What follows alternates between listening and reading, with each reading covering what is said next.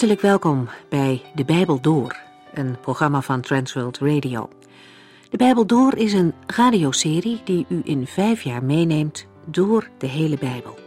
Van Genesis 1 tot Openbaring 22.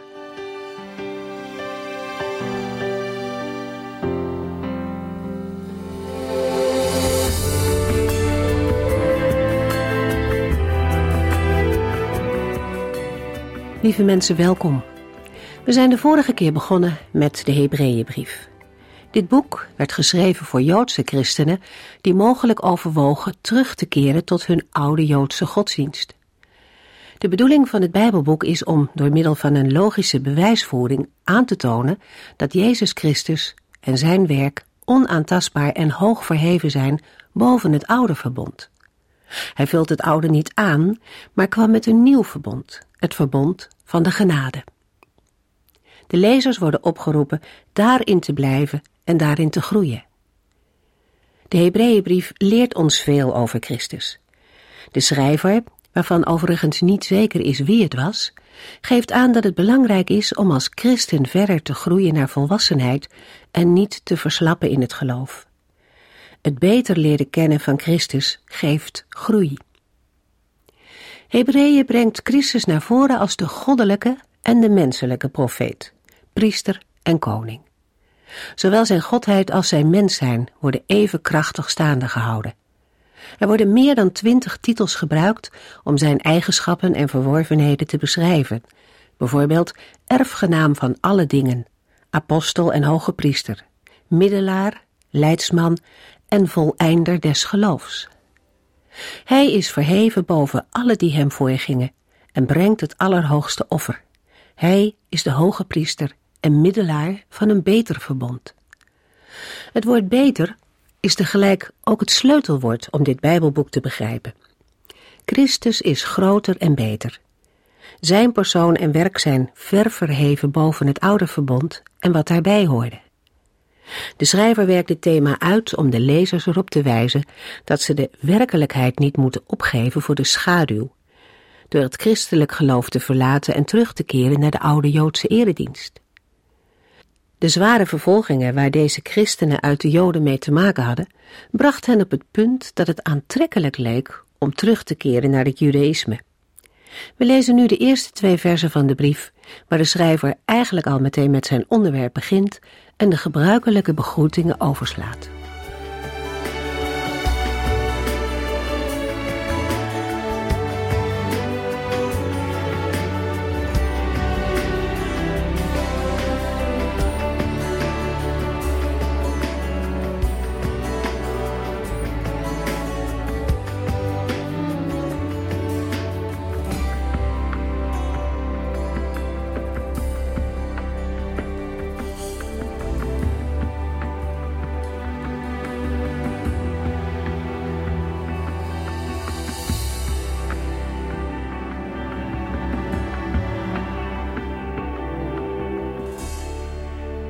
Na de inleiding op het Bijbelboek Hebreeën in de vorige uitzending, willen we in deze uitzending beginnen met het lezen en overdenken van Hebreeën 1, vers 1 en 2.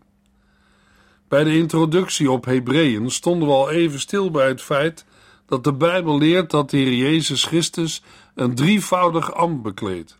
Hij is koning, profeet en priester in één persoon. Zijn hoge priesterlijk ambt leren we met name kennen in het Bijbelboek Hebreeën. Hebreeën biedt de meest uitvoerige nieuwtestamentische belichting van het hoge priesterschap van Christus. Daarom is het Bijbelboek van het grootste belang voor een goed begrijpen van het verlossingswerk van de Heer Jezus Christus. Vaak is het Bijbelboek dan ook wel het vijfde evangelie genoemd. De vier andere evangeliën, Matthäus, Marcus, Lucas en Johannes, spreken van het werk van Jezus Christus op aarde. In Hebreeën gaat het over het werk van Christus in de hemel. Hebreeën heeft een dubbel doel. Het geeft onderwijs en gaat in op de toepassing van het gegeven onderwijs. We kunnen ook zeggen: Hebreeën heeft een leerstellig doel en een praktisch doel. Het leerstellige doel wordt uitgewerkt door middel van een logische bewijsvoering waarin wordt aangetoond dat Christus en zijn werk groter, belangrijker en beter is dan alles van het oude verbond. Blijkbaar hadden de geadresseerden er grote moeite mee te begrijpen dat het tijdperk van de wet van Mozes onherroepelijk voorbij was. En dat de Heer Jezus Christus niet iemand was die de godsdienst van het oude verbond kwam aanvullen en vernieuwen, maar hij was de grondlegger van een nieuw en eeuwig verbond, dat van de genade. Het praktische doel wordt duidelijk uit de inhoud van het Bijbelboek. Het blijkt dat de Joden die christen zijn geworden nog steeds baby's in het geloof zijn gebleven. Zij moeten opgroeien tot volwassen christenen en tot besef komen van de gevaren die hen bedreigen. Die gevaren zijn terugval, lauwheid en ongeloof. Blijkbaar is er maar een beperkte kennis aangaande de persoon van de Heer Jezus Christus. Die kennis moet groeien en worden aangevuld. De Heer Jezus moet deze lezers worden voorgesteld en getekend als de volkomen vervulling van het oude verbond uit het Oude Testament. De tabernakel, tempel en eredienst, de priesters en de offers waren beeld en schaduwen van dat wat in Christus volkomen is verschenen. Alleen een levendiger en dieper kennen van Christus zal hen meer leren en geestelijk doen opgroeien tot volwassen christenen. Bij het lezen van Hebreeën zullen we steeds in gedachten moeten houden dat het Bijbelboek werd geschreven voor Joodse christenen die op een overgang stonden van het oude naar het nieuwe verbond. Het oude verbond met de wet van Mozes was tot een einde gekomen. In Hebreeën 8, vers 6 lezen we: Maar Christus, de hemelse priester, heeft een veel belangrijker taak gekregen dan de priesters van Israël. Door zijn bemiddeling heeft God een nieuw verbond met de mensen gesloten, dat beter is omdat het op betere beloften steunt. Aan het oude verbond mankeerde nogal wat. Als dat anders was geweest, zou er geen nieuw voor in de plaats gekomen zijn. In vers 13 van Hebreeën 8 lezen we verder: Als God het over een nieuw verbond heeft, wil hij daarmee zeggen dat het eerste verouderd is. En alles wat oud en versleten is, wordt vroeg of laat afgedankt. In Hebreeën 9 legt de schrijver uit wat dit betekent. Hebreeën 9, vers 1. Bij het eerste verbond gaf God de mensen regels waaraan ze zich moesten houden, als ze hem dienden in de heilige tent, de tabernakel. In vers 9 en 10 lezen we: Ook al werden al deze gaven en offers gebracht, ze konden het geweten van de mensen toch niet zuiveren. Het ging alleen om bepaalde gebruiken, wat men wel en niet mocht eten en drinken, waarom en hoe men zich moest wassen. De mensen moesten zich eraan houden, zolang Christus nog niet met Gods nieuwe, betere verbond was gekomen. Daarna wordt in Hebreeën 9, vers 11 en 12 het betere van het werk van Christus als hoge priester uitgelegd. We lezen: Christus kwam als hoge priester van het nieuwe verbond dat wij nu hebben.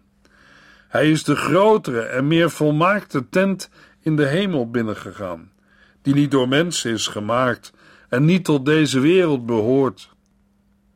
Eens en voor altijd ging hij met bloed het Allerheiligste binnen en sprenkelde het op de plaats waar de zonden worden vergeven. Maar dat was niet het bloed van bokken en kalveren. Nee, het was zijn eigen bloed.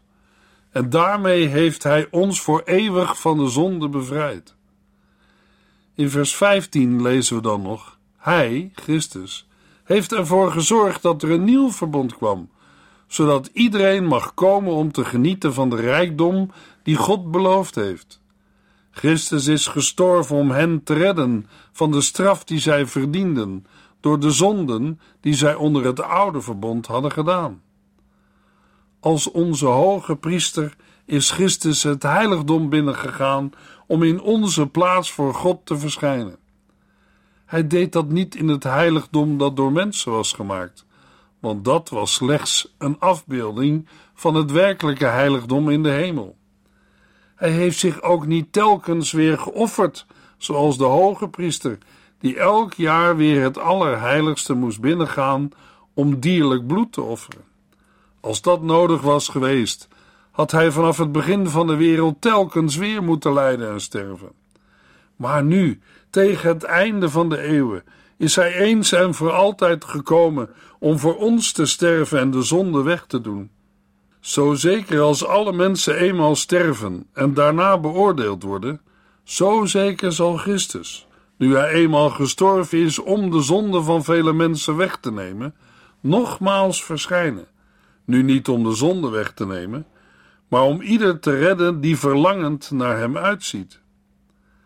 De inhoud van het Bijbelboek Hebreeën is geadresseerd aan Joodse christenen, maar het is ook onderwijs voor alle gelovigen, van elk ras en in elke tijd. Ook dit woord van God is voor u, jou en mij van groot belang. Hebreeën 1, vers 1a.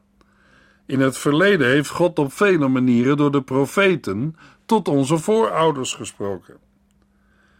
Aan het begin van Hebreeën ontbreekt de gebruikelijke groet. We moeten dan ook meer aan een op schrift gestelde preek denken, volgens Hebreeën 13 vers 22, vermanende woorden, dan aan een gewone brief. De schrijver begint direct met zijn boodschap door een vergelijking te trekken tussen God spreken in de profeten van het Oude Testament en Gods openbaring in Jezus Christus. De woorden God heeft op vele manieren gesproken, geeft aan dat de afzonderlijke openbaringen van de Heer aan de profeten onvolledig moeten zijn geweest, omdat steeds maar gedeelten van zijn plan werden bekendgemaakt. Met de woorden op vele manieren wordt duidelijk gemaakt dat, omdat deze openbaringen op verschillende manieren werden ontvangen, bijvoorbeeld door dromen, visioenen, profetieën en de Urim en de Tumim, als ook door in te grijpen in de natuur, werd dit spreken van de Heere niet altijd in de juiste samenhang begrepen. Daartegenover was Gods openbaring in Jezus Christus niet alleen eenmalig en voor één uitleg vatbaar, maar in Christus was Gods openbaring ook volledig en definitief. Met de profeten worden in principe alle mensen in het Oude Testament bedoeld die openbaringen van de Heer ontvingen, zoals Abraham, Jacob, Mozes en vele anderen. In het verleden, eertijds of in vroeger dagen, geeft aan dat deze periode van openbaringen al is afgesloten. Al bij het begin van het Bijbelboek ontdekken we dat de schrijver van een aantal dingen uitgaat en deze ook niet verder toelicht. In Hebreeën wordt geen poging gedaan om te bewijzen dat God bestaat. Dat is begrijpelijk, omdat de auteur aan Joodse christenen schrijft, aan gelovigen. Ik denk dat ik niet fantaseer als ik zeg: als een gelovige in Christus naar buiten loopt en kijkt naar de bergen of naar de zee, of omhoog kijkt naar de lucht en de wolken, dan denkt hij ook aan God, de schepper van hemel en aarde. Natuurlijk, hij of zij leeft tussen mensen die dat niet geloven. Maar juist het geloof bepaalt de mens bij de woorden van Psalm 19, vers 2. De hemelen vertellen over Gods grote eer en het hemelgewelf spreekt over zijn scheppend werk. De Bijbel, het woord van God, is ook duidelijk over mensen die dat niet zien. In Psalm 14, vers 1 lezen we: Een dwaas zegt bij zichzelf: er bestaat helemaal geen God.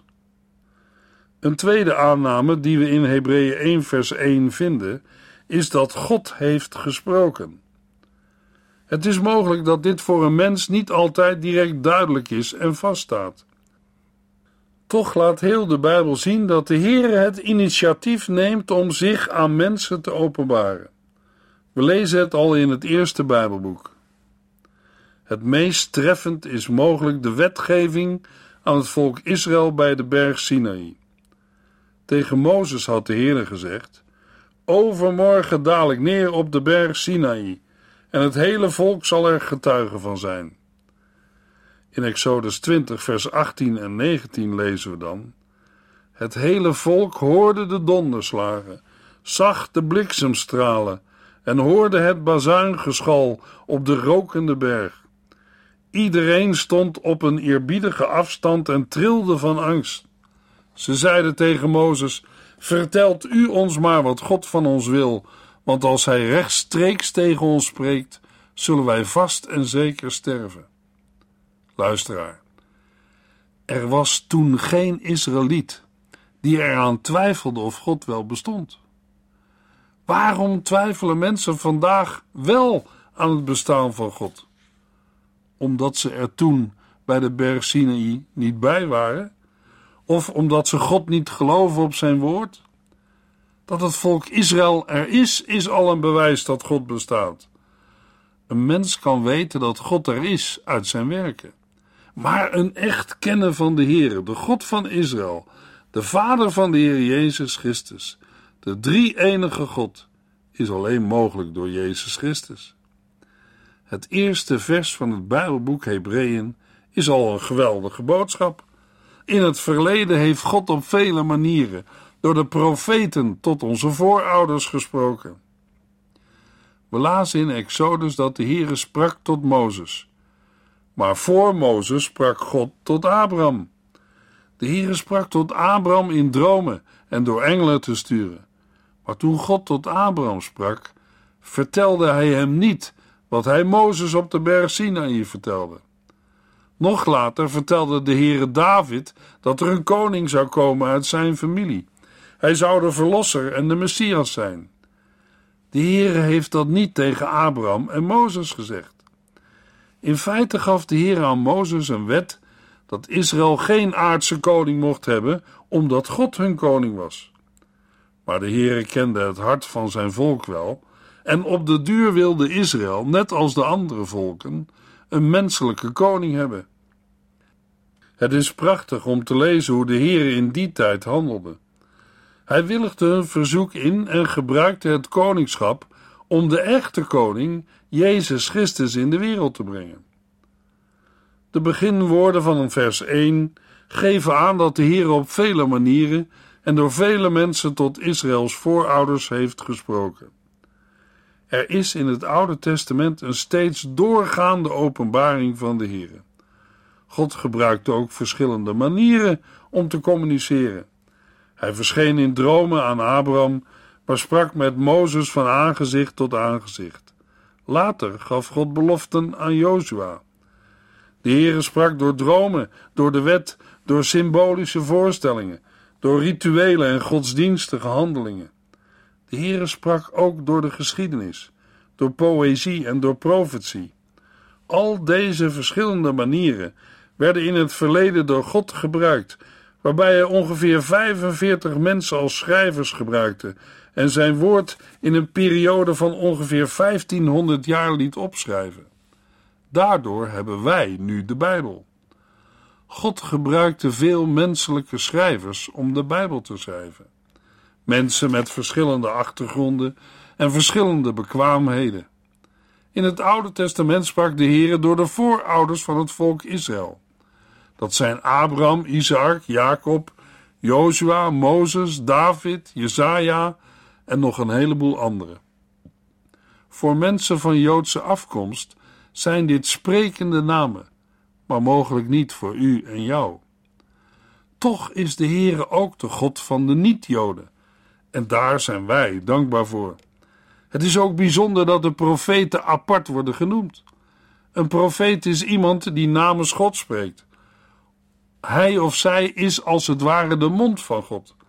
Maar wat ze ook moesten doorgeven of aanzeggen, het waren geen volledige onthullingen. Veel van hun tijdgenoten hebben de boodschap van de Heere niet begrepen. Hebreeën 1 vers 1b en 2 Maar nu in onze tijd heeft hij tot ons gesproken door zijn Zoon, aan wie hij alles heeft gegeven en door wie hij de wereld heeft gemaakt. Voor de woorden maar nu in onze tijd lezen we in andere vertalingen de woorden in het laatste van de dagen.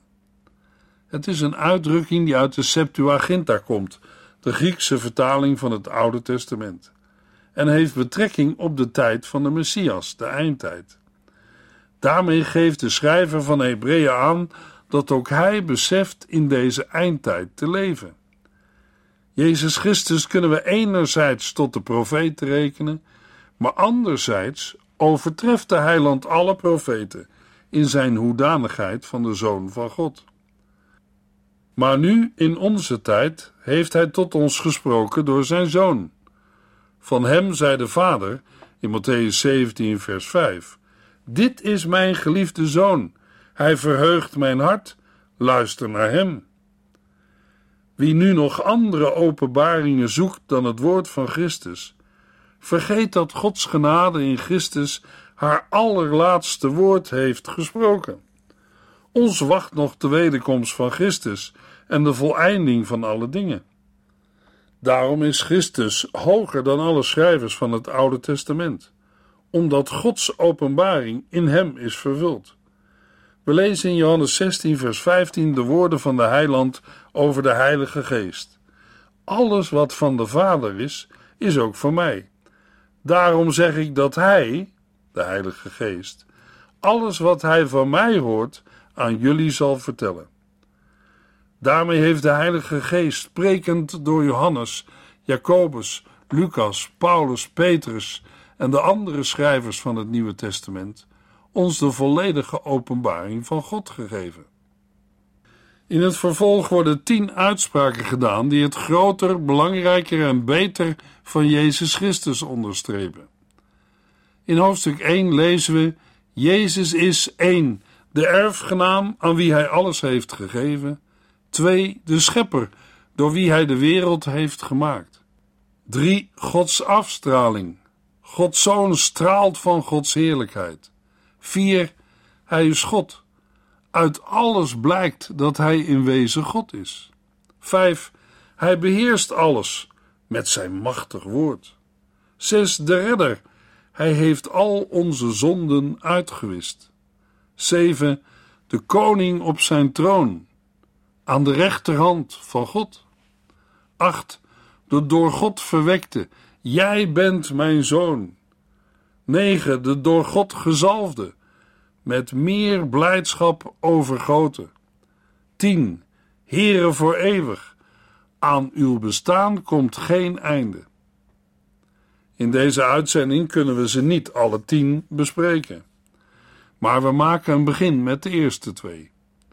Als eerste lezen we in vers 2 over de Heer Jezus. Hij is de erfgenaam van God de Vader, aan wie hij alles heeft gegeven. Jezus Christus is niet alleen de Zoon van God, maar ook de erfgenaam van alle dingen. De woordvorm heeft gegeven geeft aan dat het om een eenmalige gebeurtenis in het verleden gaat. Uit het gebruik van het woord erfgenaam hier en erfdeel in de Griekse tekst van vers 2 en 4 en uit de hele context is duidelijk dat het moment van de verhoging van de zoon is bedoeld. De gedachte van de erfgenaam herinnert aan Psalm 2 vers 8, waar de Heere zegt tegen zijn uitverkorene: Vraag mij wat je wilt, en ik zal je alle volken in bezit geven. Daar wordt al duidelijk dat de aanspraken van de zoon veel ruimer zijn dan alleen het koningschap over Israël. Als tweede lezen we in vers 2 dat de zoon, net als op andere plaatsen in de Bijbel, voorgesteld wordt als de schepper, door wie God de wereld heeft gemaakt. Het woord wereld heeft hier, net als in Hebreeën 11 vers 3, de betekenis van wereldruim, heelal en universum. Zo opent de schrijver van Hebreeën in vers 2 met het noemen van twee hoofdmomenten uit het leven van Gods Zoon.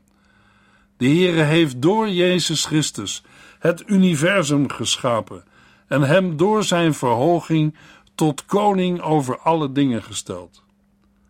Toen de Heer Jezus naar deze aarde kwam, werd hij een mens. Hij verrichtte wonderen op elk gebied. Hij had macht over het menselijk lichaam. Hij had macht over de natuur, kon stormen stillen en duizenden mensen voeden. Jezus kreeg terug wat Adam had verloren. Hij is erfgenaam van alle dingen. Ook van gelovigen wordt gezegd dat ze erfgenamen van God zijn. In Romeinen 8, vers 17 lezen we: Wat God aan zijn zoon Jezus Christus geeft, zal hij ook ons geven. In andere Bijbelvertalingen wordt gesproken van mede-erfgenamen. De Heer Jezus Christus is de erfgenaam en wij zijn mede-erfgenamen. Gelovigen hebben een erfenis die onvergankelijk, onbesmet en niet vergaat. De erfenis ligt klaar in de hemel. In Hebreeën 1 lezen we dat de Heer Jezus niet alleen namens God spreekt, maar zelf God is. Hij is met de Vader en de Heilige Geest de drie-enige God die door het hele Oude Testament heeft gesproken en gehandeld. Hij is eeuwig, dat wil zeggen, zonder begin en zonder einde, de Alpha en de Omega, de eerste en de laatste.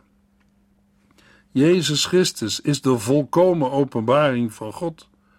Een mens kan geen duidelijker inzicht en indruk van God krijgen dan door naar Jezus Christus te kijken. Hij is God, die volkomen mens is geworden. Jezus zei tegen zijn volgelingen in Johannes 14, vers 6 tot en met 8: Ik ben de weg, de waarheid en het leven. Ik ben de enige weg tot de Vader. Als jullie mij kennen, zullen jullie ook mijn Vader kennen. Van nu af aan kennen jullie hem, want jullie hebben hem gezien. Maar Filippus zei: Heere, laat ons de Vader zien. Meer verlangen wij niet. Jezus geeft als antwoord: Wie mij gezien heeft, heeft de Vader gezien. Het Bijbelboek Hebreeën legt verband tussen Gods scheppende en zijn verlossende kracht. Met andere woorden, de God die alles heeft geschapen en in stand houdt, is dezelfde die onze zonden wegneemt. De Heere kan en wil onze zonden vergeven. Er is geen zonde zo groot of de levende God kan die vergeven. Maar zijn wij bereid om onze zonden te beleiden? In de volgende uitzending lezen we verder in Hebreeën 1.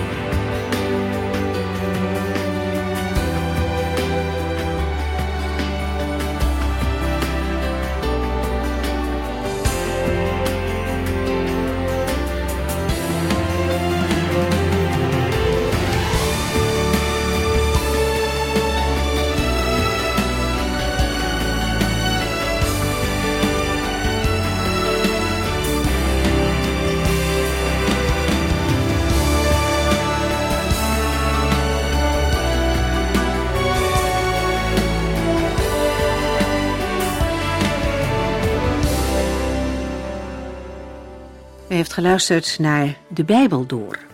In het Nederlands vertaald en bewerkt door Transworld Radio. Een programma waarin we in vijf jaar tijd de hele Bijbel doorgaan. Als u wilt reageren op deze uitzending of u heeft vragen, dan kunt u contact met ons opnemen. Tijdens kantooruren kunt u bellen op 0342 47 8432. 0342 47 8432. 32. Ook kunt u een e-mail sturen naar de Bijbel door transworldradio.nl en natuurlijk kunt u ook via de post ons bereiken. TWR, postbus 371, postcode 3770, AJ in Barneveld. Dit programma werd gepresenteerd door Cor Weda en Ike André. Techniek was in handen van Odin van Woerdenkom. En namens ons allemaal bedanken we u van harte voor het luisteren.